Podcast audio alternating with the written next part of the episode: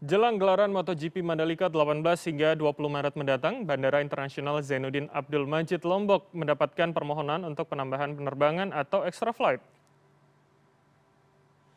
Hingga Rabu kemarin ada lima maskapai penerbangan yakni Garuda Indonesia, Citylink, Lion Air, Batik Air, dan AirAsia yang sudah siap melakukan penambahan penerbangan. Total akan ada 43 penerbangan tambahan yang diajukan jelang gelaran MotoGP Mandalika yang akan dimulai sejak 15 hingga 25 Maret mendatang. Jam operasional Bandara Internasional Zainuddin Abdul Majid akan ditambah menjadi 24 jam demi memberikan pelayanan yang maksimal bagi calon penonton MotoGP Mandalika